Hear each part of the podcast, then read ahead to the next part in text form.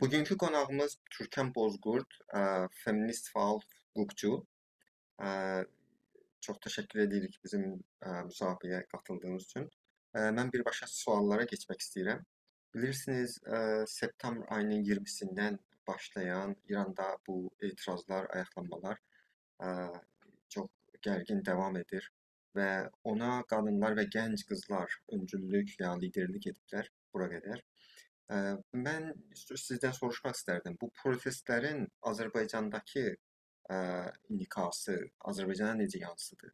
Bunun Azərbaycandakı özəllikləri haqqında nə düşünürsünüz? Buyurun. Salam Səməd bəy, təşəkkür edirəm sizdən e, bu platformu və bu projəni başladıb yaratdığınız üçün.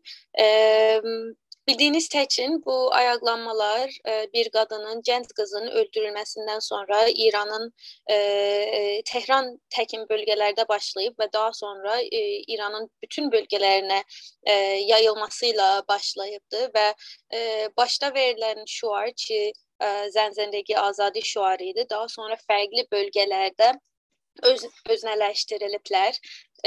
E, öznələşdirilib və o bölgənin kültürü və problemləri ilə e, e, şüarlar verilməyə başlamışdı. E, bu istər e, Bəluçistanda olsun, istər Azərbaycanda, istər Əhvazda olsun, fərqli qadınlar və o kültürdən gələn etnik e, qadınlar bu ə, şüarı ə, öznələşdiriblər ki, öz problemləri haqqında danışsınlar və Azərbaycanda da biz ə, zən zəndəgi azadi yerinə qadın yaşam özgürlük şüarı, şüarını çox duyuruq, eşidirik və axın zam axır zamanlarda e, baş verən protestolarda da e, Azərbaycan qızları, azadlıq ulduzları və bunun yanı sıra da azadlıq, ədalət, milli hökumət kimi e, şüarlar eşidirik ə, oradakı ə, insanlardan və mən bunu deməliyəm ki, bu əslində birinci ə, protesto ya birinci ayaqlanma deyil ki, Azərbaycan qadınları bunun bir parçası olsunlar və ya qatılım göstərsinlər. Daha öncə olan bütün ayaqlanmalarda da qadınlar var idi.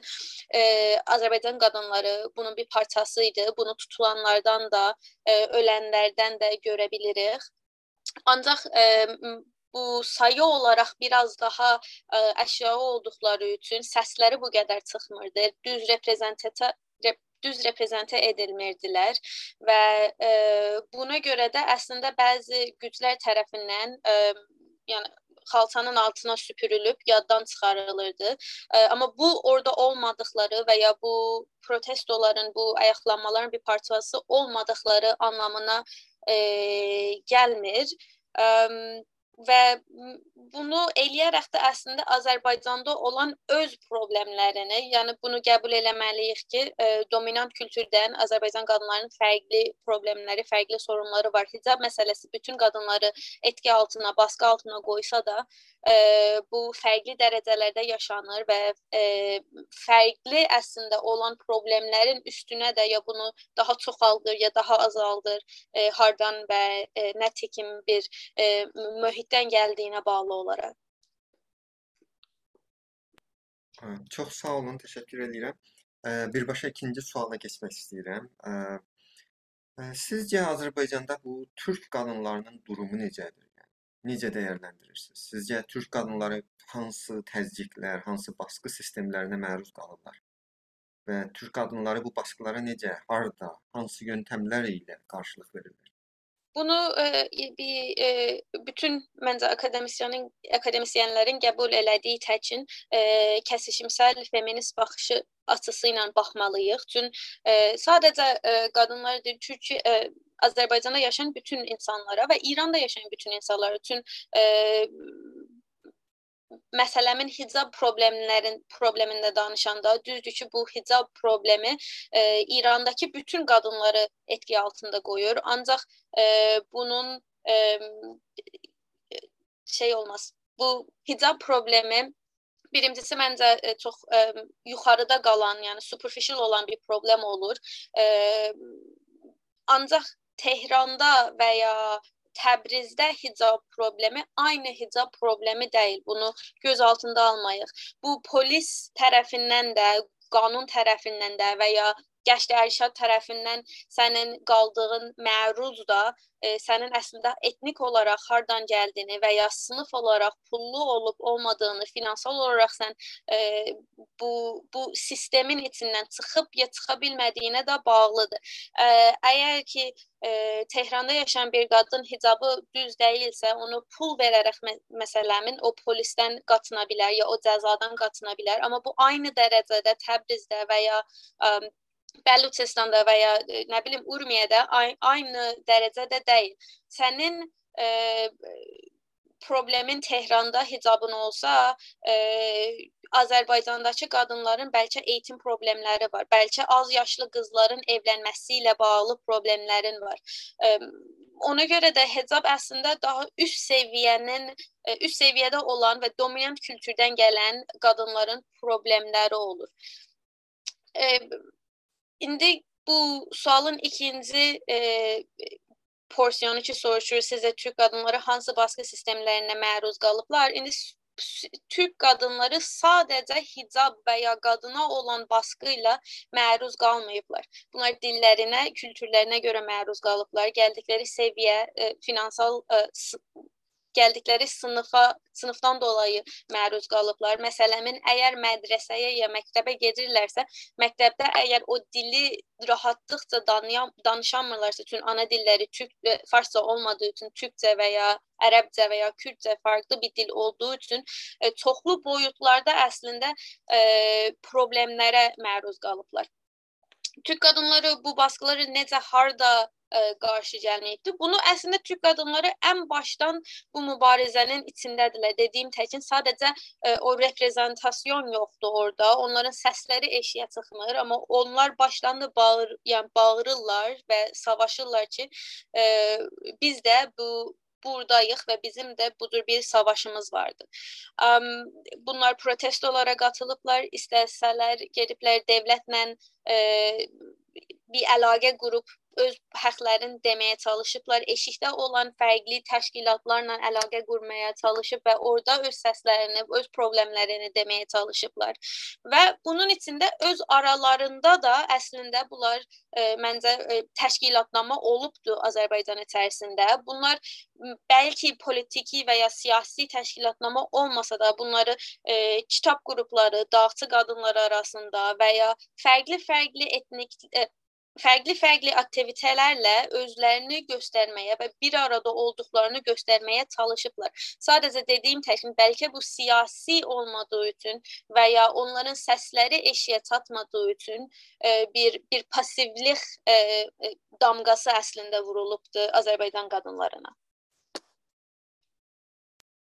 Çox sağ olun. Mən üçüncü və son sualı sizdən soruşmaq istərdim. Bu sayaq ki, yəni saydığınız bu baskılar var e, tam doğrudur hem toplumda hem e, sistem içinde. E, soruş bu bu sayaq soruşmaq istərdim ki, siz özünüz yəni bu çox boyutlu baskı sistemini necə təcrübə edibsiniz ya ona hətta necə təpki ya reaksiya göstəribsiniz bu baskı sistemini? Əlbəttə. Birinci olaraq mən e, bunu demək istəyirəm ki, bu əslində biraz daha çox kişilə, kişisəlləşdirilmiş bir sualdır və e, bu o, akademik bir boyutda, əgər biz obyektiv olaraq baxırsaq, bu məncə mühüm olmamalıdır ki, mən əgər bir türkən olaraq bu problemləri, sorunları yaşamışam ya yaşamamışam anlamı bu problemlərin olub olmadığı anlamına gəlmir. Yəni çox e, real bir data var əlimizdə ki, qadınların yaşadığı sorunlardan başlanır. E, mənim məktəb e, məktəbə getməyə malik olmuşam deyə məktəbə getməyən qadınlar e, anlamına gəlmir və buna görə də e, bu sayacağım kişisel yaşadığım sorunlar bu anlama gelmir ki bütün kadınlar bunu yaşayıp ya bunu ya bunu yaşamayıplar. Ama birinci olarak yani bir Azerbaycan kadını, bir Azerbaycan kızı bütün kızlara elədiyimiz təkin kiçik yaşdan, yəni mən doğduğumdan zaman mənə evlilik ər e, nar, e, şey danışığı olubdu ki, sən e, bu zaman evlənməlisən, bir belən uşağın olmalıdır, amma aynı gəz aynı aynı e, dərəcədə mənə deyilmir ki, sən mədrəsəyə getməlisən, oxumalısan, işin olmalıdır, ya ə, dünyaya gələndən deyər, mənə deyərdilər ki, filan kəs mənim gəlinim olacaqdı, filan kəs mənim gəlinim olacaqdı. Burada əslində məni insanlıqdan düşürülüb sadəcə ana olaraq və ya mən əgər onların oğullarına yaxşı bir xidmət edən ə, arvad olacağammı, olmayacağammı? Bu oradan başlasaq ta bu bütün qızlara elənən bir şeydir və yəni bunu fiziksel və sosial sözlü şiddətə qədər apara bilərik.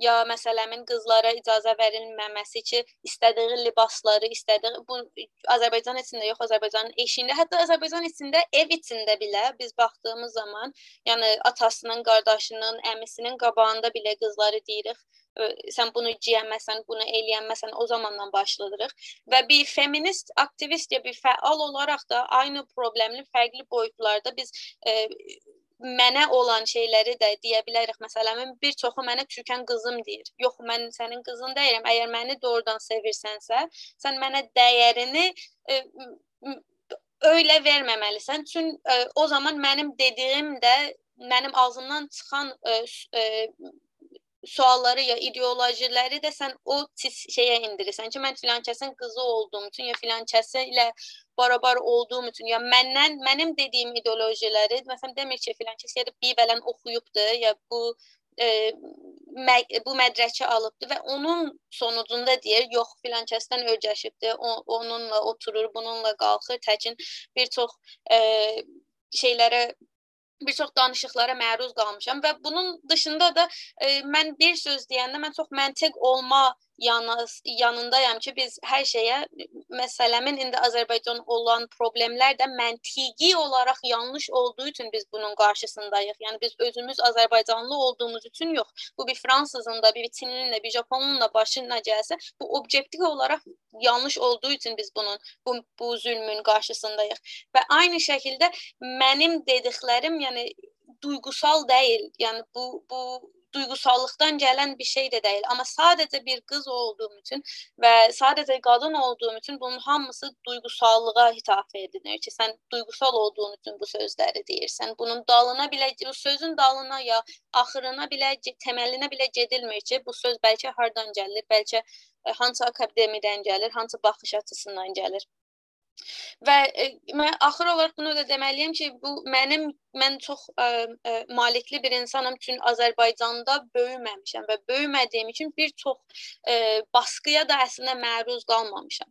Ə, mənim yaşadığım ə, sorunlar çox yuxarı səviyyədə ə, olur. O problemin dərininə gedilmir. Problemin dərinini məsələmin 12-13 yaşında ə, evlənən qızlarımız var. Bu özü çox böyük bir problemdir. Ya məsələmin gedib oxuyub oxusa belə sonra iş tapamayan qızlarımız var. Sadəcə niyə bu cür geyindiyi üçün ya bu cür geyinmədiyi üçün. Ə, çox ə, qadınların dalında bir şeyler denildiği zaman bu çok şəxsi olur həmişə. Məsələn, bir nəfər mənim dediyim bir şeyə qarşıysa, bunu gəlib demir, mən 1 2 3-ə görə qarşıyam. Bu deyir, e, filan kəs filan işi görür. Yəni çox pis söyüşlər deyil və bu hamısı şəxsi olur. Məsələn, Türkçənə qarşı olur. Türkçənin dediyi şeylərə qarşı olmur. E, və bu problemlərin hamısı da əslində e, indiki Azərbaycan opozisyonun içində də olur. Yəni orada qutulan bir şey də deyil. Çünki biz o o bizə yaradılan kültür və məntiq və baskını da özümüzlə e, eşiyə çıxsaq belə gətirmişik və onunla hələ davam edirik.